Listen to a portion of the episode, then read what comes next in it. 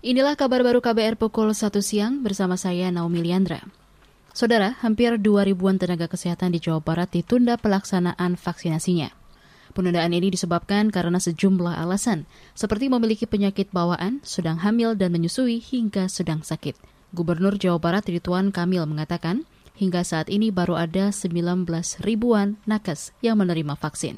Pemaksinan tahap 1 belum memuaskan, baru 25 persen dari target yang seharusnya. Jadi nakes yang seharusnya 100% disuntik ternyata dengan berbagai dinamika itu hanya bisa kita selesaikan sementara 25% sedang kita evaluasi. Ada yang tidak datang, ada yang datang ternyata tidak layak disuntik, pas datang mayoritas tekanan darahnya tinggi, itu tadi Gubernur Jawa Barat Ridwan Kamil. Sebelumnya, pemerintah menegaskan vaksinasi pada periode awal ditujukan untuk tenaga kesehatan.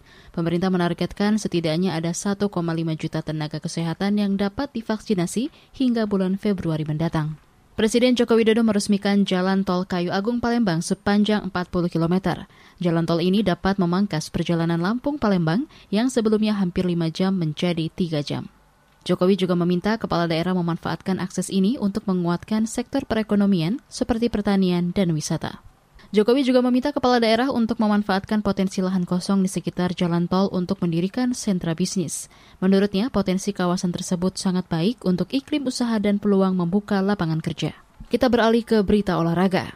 Petarung bela diri campuran UFC Conor McGregor mengancam pindah ke dunia tinju jika promotor tanding tidak memberinya pertarungan ulang melawan Dustin Poirier.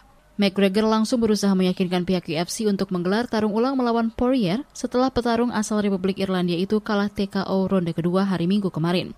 Dikutip dari CNN, pelatih McGregor mengatakan kekalahan TKO itu benar-benar membuat atletnya menderita dan berambisi segera melakukan tarung ulang.